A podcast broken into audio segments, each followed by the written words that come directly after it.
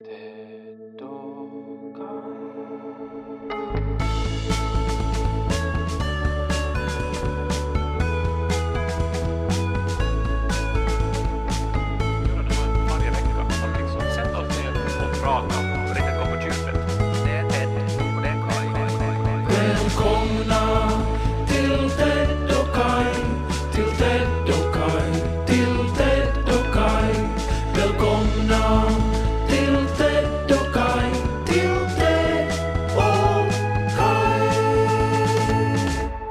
Ted! Hej Kai. Nå vad satan läkaren nu då?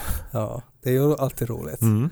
Jag har varit till tandläkaren. Ja. Eh, det var ju i högstadiet som man sa det där och jag minns att det kändes spännande att säga det, alltså för att jag svor inte så mycket. Alltså jag, jag försökte undvika att svära, men att bara säga att vad sa tandläkaren? Så var det som att jag lurade Gud lite. Ja, jag, jag hade också dåligt samvete när jag sa det där skämtet. För Mm. att det kändes fel ändå. Ja. För att nog förstod ju Gud att jag innerst inne ville svära nog. Ja, Så att eh, det, det var, sen så blev det den här det säger ju mycket om en Gud om han skulle på riktigt gå på, alltså att man skulle kunna lura honom på det där sättet. Att, för att det, det implicerar ju att man kan lura på ganska många andra sätt också. och efteråt är det då en ängel som liksom armbågar honom i sidan och säger att alltså nog hörde du väl att han svor? Och så är Gud bara va? Och sen så liksom ramlar slanten ner och då kommer åskvädret. Men ja, och sen var det ju det här hamburgerkedjan som hade de här reklamerna på, på finska och så var det ju då att Seitsemän lelua saatavana Mm. och, och det där tyckte du och jag var jätteroligt. Ja, det var roligt. Eh, och vi använde det sen i någon sketch också. Mm. Eh, för att ja, det hände inte så mycket i vår utveckling på tio år från högstadiet kanske. Nej, det var hamburgerreklam. Det var liksom, tog ett stort utrymme i huvudet. Men när jag var till tandläkaren senast så, så, så drabbades jag av, av någon sorts oro eh, som, som har hängt i och som jag nu har börjat tro att eh, liksom, alltså det är någon sorts mönster i mitt liv det som hände. Mhm. Jag, jag får ju en gång i året nu, Ja. nu för tiden. Ja, jag har ju alltså, jag kommer ju alltså just nu från tandläkaren, det är därför vi pratar om det. Och jag har ju barndomstrauma från tandläkaren, alltså jag har alltid haft jättedåliga tänder. Jag, har, jag försöker ta hand om dem, men jag vet ju att jag slarvar också. Eh, så att, att jag, jag regresserar alltid liksom till, till ett barn när jag går till tandläkaren. Jag vet att jag har varit stygg och att jag på något sätt förväntar mig att tandläkaren ska säga att nu drar vi ut det här. Nu, nu fuck you och så skjuter de mig. Det här att försöka ta hand om sina tänder, är det liksom att du går uteslutande på en diet av kött och airfryar allt och tror att det tar bort bakterierna? Nej, men det är alltså lika så här som distansjobb också har ju lett till att alla former av på något sätt ta hand om en har ju försvunnit. För man är ju bara sådär att men om jag ändå ska vara hemma hela dagen så det spelar väl ingen jävla roll. Och det på något sätt hör till den kategorin också. Men det, det är länge sedan, alltså det, jag har varit till munhygienisten idag och det är många, många år sedan jag har varit senast. Och man ska ju få en gång i år, jag vet ju det. Ja, vuxna människor får ju en gång i Men då det är så mycket också med det här att ringa och boka tid på finska och nu var jag med om en sån situation när jag kom dit så gav hon mig en, en sån här liten burk med någonting i och hon bara gav det åt mig. Och jag vet ju nog att man ska så här svirla det i munnen. Jag vet inte om man, hur säger man det på svenska ens? Skölja. Nej men inte det är väl skölja, alltså om jag så här, Alltså, så här pu- puffa ut och in med kinden. skölja. Nej, Vad sa svirla. du? Svirvla? Svir, svirla på Det något sätt. låter isländskt på något Ja sätt. men det är väl från engelskan, alltså swirl, swirl it in the mouth. Och jag vet ju nog att det är det man ska göra, men jag blev ändå osäker. Är det här någonting jag ska dricka? För det känns som att det kom, liksom tandläkartekniken utvecklas ju också. Att, att de ska ge dig en sup när du ska dit. Alltså, Det skulle kunna vara, alltså sådär, om de ändå ska skjuta mig i huvudet så får jag liksom en vodka strax före. Jag vet inte vad som hände men jag fick på något sätt panik och för att jag, var, jag hade redan regresserat till barn så att jag ville nu vara 100% säker på att jag gör rätt. Och sen när jag ska då fråga av tandläkaren som är en, eh, alltså ja, man kan väl säga det att hon är en attraktiv kvinna i min ålder. och sen så började jag fundera att okej, hur ska jag säga det här på svenska? Att ska jag svirla det här? Men att säga det på finska? Alltså sådär att Oftast så har jag ju ungefär en aning om nog vad man, hur man säger någonting på finska. Sådär att, att ditåt. Men här var det liksom totalt stopp. Jag hade ingen aning. Jag visste inte hur man skulle säga det på finska. Eller i Huhtelen. Nej men det är ju, det är ju inte skölja det. Utan, och, och, och så var jag så... äh, Svirlatanko! Ja, typ något sånt sa jag, men det slutade med att jag måste ta av mig mitt munskydd och visa åt henne, så här blåsa ut och in med läpparna så här, Som en orangutang, typ att är det det här jag ska göra? Och så så här, jo. Och så okej då! Så gjorde jag det då till sist. Det här är ju äh, ja, så fint och jag ser Nej det, det var inte fint, mig. det var fruktansvärt. Det var vidrigt. Var det. Men det är sådana här situationer som jag ofta hamnar in i när jag, alltså med stamning och så här. Ja. Eh, Men att eh, du, du liksom hamnar ju in i det av din egen envishet att inte lära dig finska. Ja men det är så mycket, alltså när det både liksom jag, jag, jag vet att jag har, har inte tagit tillräckligt bra hand om mina tänder. Jag vet att jag inte är tillräckligt bra på finska. Och så f- sätts man in i den här situationen där man är liksom man, man, man är en procent av liksom sig själv just i den situationen och man är så sårbar och man är så mottaglig till kritik och till allting Eh, och, och, det är så svårt att komma ur det. Jag har som ännu inte liksom landat från det där att, att fast det är liksom över nu och huh, jag klarade det, hon sköt inte mig den här gången heller men att jag, jag är så här på 17% kanske. Jag går ju till en finlandssvensk tandläkare som, som dessutom ringer åt mig en gång i året och automatiskt liksom försöker få mig dit. men så, så Alltså en sån-. Liksom, automatik är ju det man behöver när man lever ett stressigt liv. Ja. Att det liksom sker utanför ens schema så att säga. Mm. Och eh, jag var dit då eh, på min årskontroll. eh, och det hände alltså en sak då som, som, som har oroat mig ända sedan dess och som lite har också glatt mig för att jag upplever att jag nu då är unik. Men att uh, tandläkaren i alla fall så beslöt att nu ska vi ta röntgen. Mm. Och eh, det här har jag ju nog förstås gjort tidigare men eh, ändå rätt så länge sedan. Och nu var det en sån här ny röntgenapparat som jag aldrig har någonsin varit i i mitt liv. Att man skulle få in i ett annat rum och, och sen skulle man stå och så var det som typ en hjälm som man skulle kliva in i. Och sen så skulle man ha liksom sin mun på en sorts bettskena som fanns mitt i hjälmen. Och så skulle man stirra rakt då in eh, i, i någon sorts eh, spegel av, av något slag. Och eh, så fick man absolut inte röra sig då. Mm.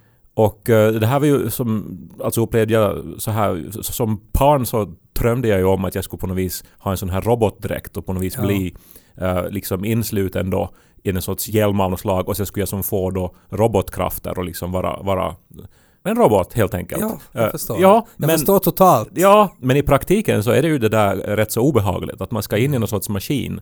Och så, nåja, men i alla fall eh, så sprang ju tandläkaren ut och sen så, så var det över då på några sekunder.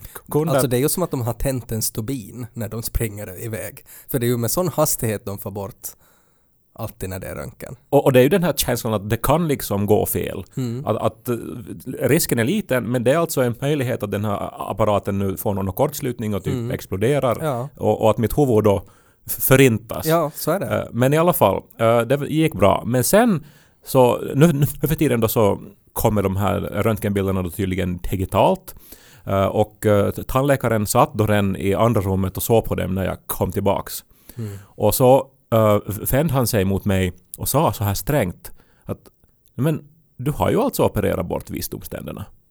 För att han hade då innan frågat då att, eh, om, att hur är det med visdomständerna? Ja. Så sa jag nej, jag har inte haft något besvär med dem ännu. Mm. Eh, men eh, nu då så visar han då på de här röntgenplåtarna att där inte finns några visdomständer. Jaha. Inte där nere, inte Ja. där uppe. Jag saknar visdomständer. Oho. Och jag, jag insisterar då att nej men alltså nej nej att jag har inte blivit opererad för Mm. dem. Mm. Och säger han att men de är inte här. Ja. Det är jätte jätte jätte ovanligt säger han. Ja. Att man inte har visdomständer. ja. Jag, jag, jag saknar eh, jag saknar kroppsdelar. ja, men vem har tagit dem? Nej men det, ingen vet. Aliens? Ja men jag har ju börjat tänka nu för att sen så som, så, som inte jag att jag har ju heller ingen knäreflex. Nej, just det. De har tagit den också. Ja men tänk om jag är någon sorts implanterad Android liksom. Mm. Så, och, så, så, som, som de har helt enkelt... Vi sätter inte reflexer och vi sätter inte visdomständer heller. Inte kommer någon att röntga det här plåtskrället. Men det är ju så hemskt att jag saknar kroppsdelar och funktioner. Ja. Men vad sa han? Alltså, är det ens möjligt då att vara vuxen man utan visdomständer? Nej men tydligen är det som jätte, jätte, jätte, jätte ovanligt. Ja men vad betyder det? Det måste ju finnas sån här, vad heter det, så här komorbiditet, heter det så? Alltså sådär att, att, om, att, att den speciala egenskapen hos en så är också korrelerar med en större risk att få bla bla bla. Nu det är ju allt det här som jag sen har börjat undra då över eftersom Ja. jag då uppenbarligen saknar en kroppsdel. Ja. Vad kan det liksom leda till så här rent psy- psykologiskt, Mm. rent uh, själsligt? Och, och jag har ju tänkt på det nu då alltid när, det, när jag har en brist. Mm. Alltså när, när någonting i mig är fel. Så Ja. då tänker jag att vänta nu, är det för att jag liksom saknar visdomständer och knäreflex och vad annat Det saknar är en jag? massa saker du saknar. Du blir ju inte kåt på kvinnor heller. Är det en saknad? Nej men en jag, bara, jag tänker på grejer som gör dig unik. Alltså du, du lider av stamning, du är homosexuell, du är finlandssvensk, du har inte visdomständer. Alltså sådär det finns det är ju en massa saker som gör dig jätte, jätte unik. Och det där gör ju dig ännu mer unik. Så du menar att det var dina visdomständer som gjorde dig kåt på tandläkaren idag? Har ju inga bevis för det. Men att Så kåt att du blir alldeles virrig och gör orangutang-rörelser med munnen. Var en gång en Essebo och en Pormobo som till Åbo for till börja Radio Pleppoilag som har valt i en podd idag. Hej! Snart kommer Ted och Kai, vi lyser med samma vi jagar haj. Hörlurar ni till i fot så pop nu denna popcorn. Det är ju inte så farligt då just att sakna visdomständer för det är ju ingenting som man ändå i sitt dagliga liv så här behöver på något Nej, sätt. alltså de är ju, egentligen är det väl bara som en sorts bomb, alltså som en tidsinställd bomb, alltså att de kommer att komma och, och explodera i din mun i något skede. Ja, och knäreflexen har ju ingen heller behövt utom när man testar knäreflexen. Det vet vi ju inte. Alltså nu kan det ju hända att det har varit någon sorts gisslandrama som ändå har på något sätt fixats på grund av någons knäreflex. Jag antar att du har läst en bokserie om det Nej, här. jag bara tänker att, alltså att det, det, det skulle kunna vara liksom sådana där otroliga sammanträffanden som leder till att, att, att jag menar om, om någon rånar en bank och så har de bundit fast då kassapersonalen och polisen har inte kommit dit ännu och så, så skjuter de med AK47 i taket och så kanske faller det lite sån här uh, inte vet jag, sån här cement från taket och så träffar det rakt i någons knä och så råkar den personen då liksom sparka till någon och så blir det som en sån här eh, serie, alltså att, att den här Dominoeffekt. Ja, precis. Alltså han sparkar till en, en, en, en sån här vägkon som faller på en terrorist så faller han och skjuter någon och så får det en rikoschett och sådär. Och så blir det liksom att den personen egentligen räddar allt på grund av att han hade en knäreflex. Ja, någon sorts Rube Goldberg-maskin Ja. utlöst av knäreflexen. Ja, exakt. Ja, Så då skulle ju du inte kunna vara där och utlösa den i så fall utan att det skulle måste vara någon annan. Alltså att om, om det då skulle ha bara fallit på dig och så skulle det bara falla cement bara pladask och så skulle det bara ha gjort ont för dig och ingenting skulle ha hänt. Så då skulle det ha stått i tidningen tänk att hon Korka skulle ha haft en knäreflex. Ja, men det finns ändå egenskaper som eh, har större betydelse och som jag också saknar. Och det var egentligen det jag skulle komma till. Eh, Men om jag först skulle fråga dig Ted, att, att vad tycker du är det vi- viktigaste hos en, en bra vän? alltså ska det vara sådär som någonting fysiskt, alltså som en jacuzzi Knäreflex. eller en reflex. Eh, svårt att säga. Det är väl nog kanske att, att, eh, att man upplever att om man ger mycket av sig åt någon som man upplever vara ens vän, att man också får liksom tillbaks lika mycket. Mhm. Ja, det har du helt rätt i. Eh, men om man... Ja, eh, men som, som på ett så här rent omedelbart plan. Alltså det där är ju som ett ganska djupt vänskapsplan vi, vi pratar Mm. om nu. Men på ett område, nå, att man har he- hens kontaktuppgifter. Ja, ja, nej men det hände alltså helt fasansfulla saker eh, under den här turnén jag var på. Ja, Och, och det hände två gånger. jaha. Uh, alltså jag har ju åkt land och rike runt och pratat om eh, min senaste roman, den Mm. senaste hösten. Ja, Och då har det ju hänt att jag har uppträtt och sen efteråt att jag har då satt mig vid ett bord och signerat böcker. mm. Och det är ju roligt. Ofta kommer människor fram och är så här lite nervösa och sen så har de sin bok och så undrar jag att ska jag skriva en hälsning till någon? Mm. Eh, och sen är de ja, skriv till mig. Och sen så, så måste jag fråga vad de heter. Mm. eh, och så. Eh, och så blir det en liten stund av konstruerad samvaro mellan oss. Mm. Men, men ändå liksom på ett roligt sätt så här. Alltså jag, jag uppskattar att möta läsare och så här. Mm. Men det här, ibland händer det då att det kommer ju människor som, som, man, som man vet då vem de är. Ja. Och sådana här människor som man, som, man, som man verkligen vet vem man är. Att vi har ju jobbat tillsammans och vi gjorde ju, vi gjorde ju det där projektet tillsammans under, under många månader och var ju Mm. på ma- massa middagar och, och sen kommer de med sin bok och, och ler. Nej, Kai. Nej, men, det, det här... Det här är värre än att svirla framför en, en sexig tandläkare det. Nej men det, det, det, det är det värsta som finns. Alltså Ja. det, det går inte att reparera. Alltså det, som jag ju menar är att det kommer en människa som man inte... Du kommer inte ihåg vad hen heter. Fast du har jobbat länge med den. Alltså det är helt blankt i huvudet. Ja. Och, och, och jag vet exakt, alltså jag som, vet du, jag känner dig så jättebra Mm. och, och jag minns allt det här som vi har gjort och, Mm. och vi är vänner på alla sociala medier och, så här Mm. och brukar gilla varandra och så här. Mm. Och, och, och, och dina ögon tindrar ja, och, och du det har nog- boken. Men, men, men det, är där. Det är- vet du vad? Det där saknar jag. Jag, jag har, det, det är en brist hos mig som, Ja. jag, som alltid har varit en brist. Mm. Och, och eh, jag vet inte vad det beror på. Och, och, och det kan ju bara tolkas som, som dåliga saker. Ja, det finns ingenting positivt med det. Alltså för att det är ju bara på något sätt att du är så självcentrerad att du inte ens orkar lyssna på när de säger vad de heter. Men jag vet ju hur sårad jag skulle bli. Ja, Eh, Men då, då brukar jag tänka det som också lättare att minnas mig. ja. För att... Och, och det är ju, då För att man... Han utar reflexer och har väl inte visdomständer heller? Nej men för att jag, är- jag är ganska så här liksom one of a kind. Det, det- alltså Mm. jag, jag är dels en man som skriver, det finns inte så många. Och sen så stammar jag och sen är jag liksom lång och sen Mm. så det här... Men det gör ju inte Det, att... det finns som en massa saker jag, som jag håller på med som ingen annan håller på med. Nej, men att det liksom den här... Jag förstår den förklaringen, men att det gör ju också att det blir värre. Alltså sådär att... att att ha det som förklaring liksom till någon som är ledsen för att man inte kommer ihåg vad de heter så är ju bara att man framstår som värre. Jo, jo, alltså det, det, det är ändå lika hemskt men jag som försöker på något vis eh, som får nu lyssnarna att förstå att jag är som inte en dålig människa.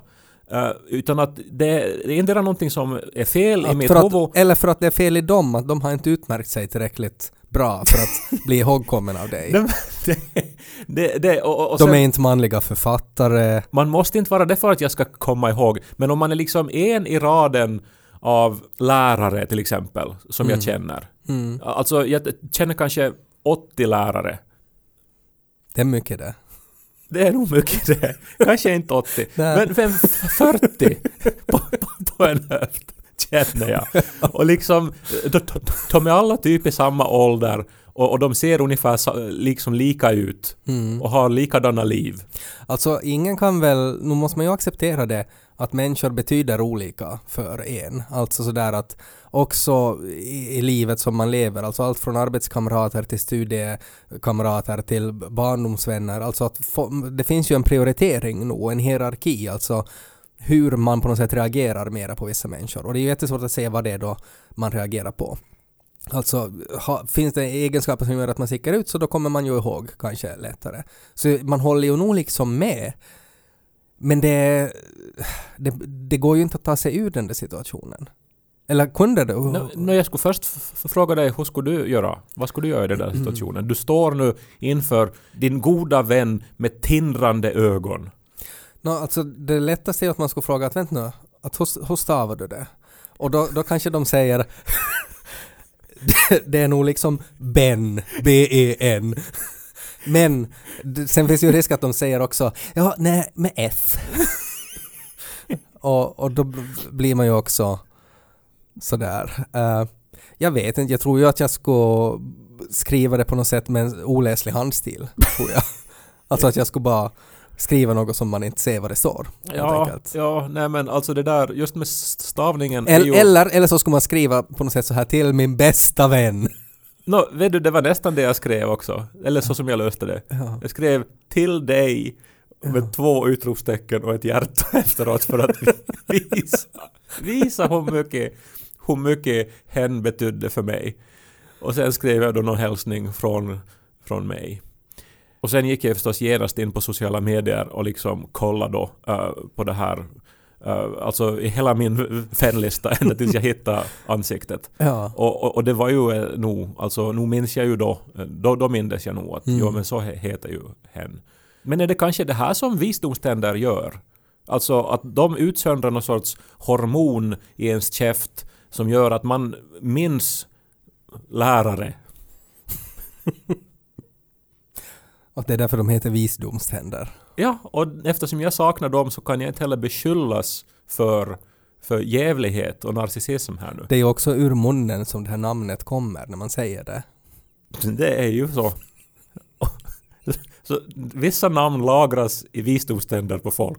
Tänk om det skulle vara så att man bara kan, om man inte vet så kan man bara gapa och så hörs det som en, en tunn röst bakifrån i munnen. Så här. Amanda!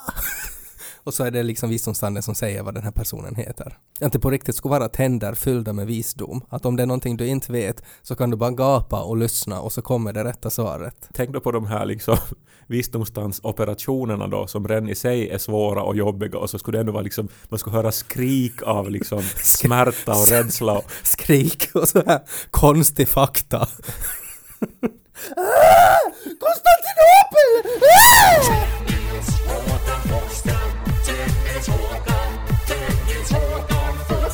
Förstås finns det ju också en chans att äh, det här att sakna visdomständer till exempel då, att det ger en fördelar också. På vilket sätt? Ja, men att man kanske får egenskaper eller att man Att kanske du har någonting annat istället där som inte syns på röntgen. Nej men det finns ju massa saker som jag till exempel får göra som alla människor inte får göra.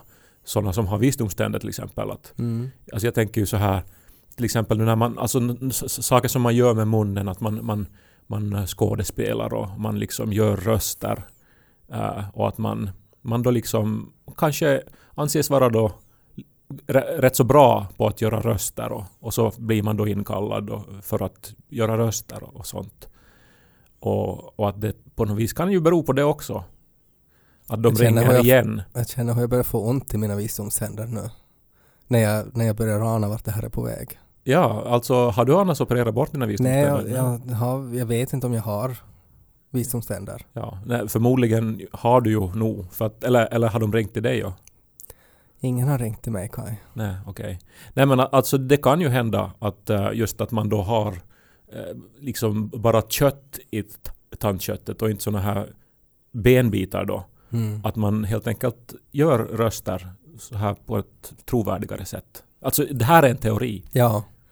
Vad gjorde du i fredags då? Uh, tror jag gjorde något skilt. Vad gjorde jag i fredags då? Eh, det var så här liten jobbkeikka. Så här, göra lite röster. Voice acta som vi säger Mm. i branschen. Är det, alltså ska det komma en ny säsong av Mumin? Uh, ja, ja, det ska det. Fast jag får inte prata om det. Men att, Nej. men att eh, ja, det ska göra det så att uh, Ja. de behövde lite talang. Och då är den där samma... vad var det? Någon, någon sån här bekänt eller vad var det? Ja, jag, jag skulle inte få prata om det faktiskt. Men Nej. att, eh, men att det där är nu bara en teori. Att det måste inte bara vara dåliga eh, sidor då med att sakna någonting. Att, Mm. att det, det kanske kan ge en, ge en någonting också. Ja. Mm. Jo. Nej, ingen har ringt åt mig. Jag minns att senast när vi pratade om det här i podden så typ tror jag att jag skrek att jag åtminstone skulle få vara en sten, tror jag. Men eh, om det nu har varit inspelningar då så, så har, har det tåget gått då, så att säga. Ja, alltså nu vet jag inte hur du, eller du, du liksom hänger upp dig på det där nu. Jag, jag pratar ju om visdomständer och olika egenskaper, men du Mm. genast hängde upp dig på det där. Eh, men att eh, säkert så, så får du också chansen att eh, jag, jag gör något sorts skådisjobb ännu en dag så här. På ett sätt så handlar det om en sorts diskriminering då. Alltså att man tänker att, för att det är ju liksom ingen skillnad i dig och mig när det kommer till så här rösttalang, utan att, att det är ju nog Eh, Alltså, hur menar du? Nej, nej, alltså att, att du fick då det här jobbet bara för att de skulle ha någon utan visdomständer. Alltså för att det var en sån röstkvalitet som behövdes. Alltså att man får inte, det får inte höra så att visdomständerna är där och skramlar i replikerna. Och därför så fick du då Ja, nu var ju det här då bara en teori nog. Jo, jo, men jag, jag gillar den här teorin. Jag tycker att det är en bra teori för att då är det så tydligt för mig då som har troligtvis, högst sannolikt har jag ju visdomständer, så då fanns det alltså, eh, hade ingen möjlighet för mig att få den där rollen. De skulle helt enkelt ha någon, alltså den här karaktären som du spelar är säkert skriven utan visdomständer. Och idag så ska man ju ha röstskådespelare som motsvarar liksom karaktärsbeskrivningen så långt som möjligt. Så därför, det var inte ett alternativ. Ted Forsström var inte ett alternativ helt enkelt. Det är nog en sån här X-faktor tror jag, att vissa har det och vissa då så har kanske inte det som krävs för att... Och det är alltså då avsaknad av visdomständer. Nej, det var bara en teori. Men just det här att alla blir ju inte uppringda för såna här keikor som jag nu för tiden då blir uppringd för. Det var det jag tänkte.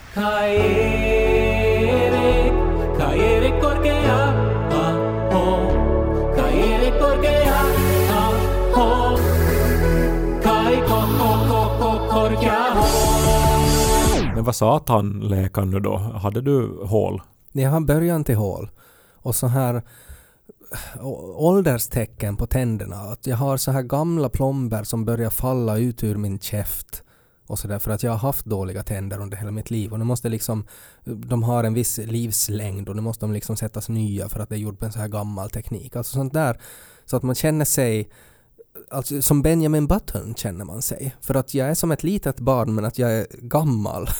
Alltså att jag, jag blir, jag regresserar till ett barn när jag är där men sen har jag så här gamla mm, gubbars problem känns det som. Och jag har ju också såna där, alltså såna där eh, eh, vad heter, alltså sådana här amalgamplomber, alltså såna där svarta, alltså såna här silveraktiga plomber. Alltså som man hade typ under andra världskriget så satt de det för att det var det enda materialet som fanns. Och jag har ju såna i min mun. Och det är ju liksom det, det finns ju liksom inget tydligare tecken på att man är från en försvunnen tid när man har såna i sin mun. Jag tror faktiskt att vi, vi, vi hör typ det, de sista årskullarna som Ja. fick de där. Ja, och jag tror, jag tror att det till och med liksom vi som var från Österbotten, för jag tror inte ens här i Helsingfors när vi var små så tror jag inte att man använde såna där plomber. Men jag tänkte så här, för det närmar ju sig juletider och, och så brukar de ju utse årets julklapp och så här. Mm. Och eh, det här var, var inte typ någon gång på, på 50-talet som det var typ alltså den finaste present som man kunde få som uh, såna här rika släktingar då gav då till någon kusinbarn någonstans. Alltså nya tänder. Helt Ja. nya tänder. Ja. Så de slet ut alla tänder ur käften då på den här unga stackaren. Och så, Mm. så, så fick man liksom löständer. Ja. Som ju då skulle hålla hela livet. Ja, ja, väldigt så här kluven känsla. Alltså på ett sätt så skulle det vara väldigt praktiskt också att, att, liksom att du kan bara ta ut dina tänder och liksom fixa dem. Eller att när du får till tandläkaren så spottar du liksom ut dem på golvet och säger att plocka upp dem själv då. Eh, eller någonting. Att, att, det, det liksom, då, då blir det sådär som att det inte det är inte riktigt en del av mig något mer. Eh, men samtidigt känns det ju nog också inte helt okej det heller. Alltså på samma sätt som att du skulle gå omkring med peruk ungefär. Alltså att, att du skulle, fast du skulle ha möjlighet att liksom ha vackert hår men att du bara orkar inte ta hand om det så därför så rakar du bort det och sätter en peruk på dig. Men är det här en grej, alltså nu när det är mycket med liksom wearable tech och så här Mm. och nu läste jag att det finns något eh, experiment i Sverige där de eh, opererar in chip under huden Mm. eh, som då innehåller uppgifter och, och som man kan liksom då låsa upp sitt eh, Mm. gymskåp med sin hand typ. Ja, så att man skulle ha någon form av så här schweizisk armétänder. Att Ja. varje tand är liksom har en speciell egenskap. Ja, men för det är ju, alla har ju ett antal tänder och många Mm. av dem blir ju sämre och många av dem måste dras ut och så får Ja. man kanske då en protes av något slag då. Ja. Men om man skulle då kunna liksom utnyttja det och lägga in alltså någon sorts robottand. Jag tycker det är jättebra. Alltså det, an, det används av spioner väldigt ofta. Alltså att man har en cyanidtand. Alltså att man har en protes och så kan du liksom lyfta upp den och så har du ett, ett giftpiller där som du kan liksom svälja då när nazisterna har fångat dig eh, och så dör du då innan de kan få ut informationen från dig. Så det är ju egentligen bara som en fortsättning på en teknik som redan finns. När mötet blir riktigt långt och tråkigt. Ja, men så, alltså överlag i mitt liv så skulle jag ju vilja ha tillgång till en giftkapsel. Alltså när jag är så här långa finska möten. och så är jag bara när jag håller på, no, v- v- vad svirlat han? Och så bara när jag ser på deras reaktioner så skulle jag bara dra ut gift och bara Näkemin! och så bara dör jag. Och det skulle kännas bättre. Jag tänker också att då när någon som jag på, på riktigt borde känna kommer och vill ha sin autograf, så då skulle jag kunna då bara liksom gnissla tänder lite och ramla ihop död och Ja. släppa situationen. Ja, exakt. Ja, det skulle vara lättare. Och att samhället skulle vara på något sätt uppbyggt, att alla förstår att liksom att jag, att hade ju en jätte, jag tyckte nog så om Muffa men att han var med om en så pinsam situation så att han, han svarade nog giftkapseln och alla är sådär, ja jag förstår nog. Jag, jag på något sätt associerar till Japan när jag hör det här, för inte, alltså, mycket så här med skam och sånt som är Ja. jättestarkt där. Att, Mm. alltså, att man kan som sk- skämmas så, så, mycket att man, att man inte överlever. Liksom. Nej, exakt. Man ska, man ska aldrig tappa ansiktet. Men en whiskeytand? För, En för jag menar, det är ju rätt så ofta man ändå behöver någonting stärkande. Mm. Ska man bara kunna... Så ska man få en liten sup. Och, och en liten USB-tand. Alltså att du bara kan dra bort en tand och så kan du sätta in den i din laptop och så har du då två terabyte där dit du kan sätta saker. Eller andedräkt. Alltså, fan. Alltså det borde... Alltså som vet du en sån här... En liten fläkt in i tanden som hela tiden sprutar ut jasmin. Och så kan man gå och fylla på den då till någon sorts uh, munhygieniskt då. Ja. Och no, men om vi skulle ta tallbar det här året. Mm. Är det på kvällen då så liksom så, så har man som en liten laddningsplatta då bredvid sängen där man får och, spottar ut alla tänderna och så är de där då och laddas över natten. Och så blandar man ihop det med sin sambos tänder och så blir det en massa sådana här pairing-problem och bluetooth fuckar upp sig och nu hittar jag inte min framtand! Visst det är en app i telefonen, Find My Teeth.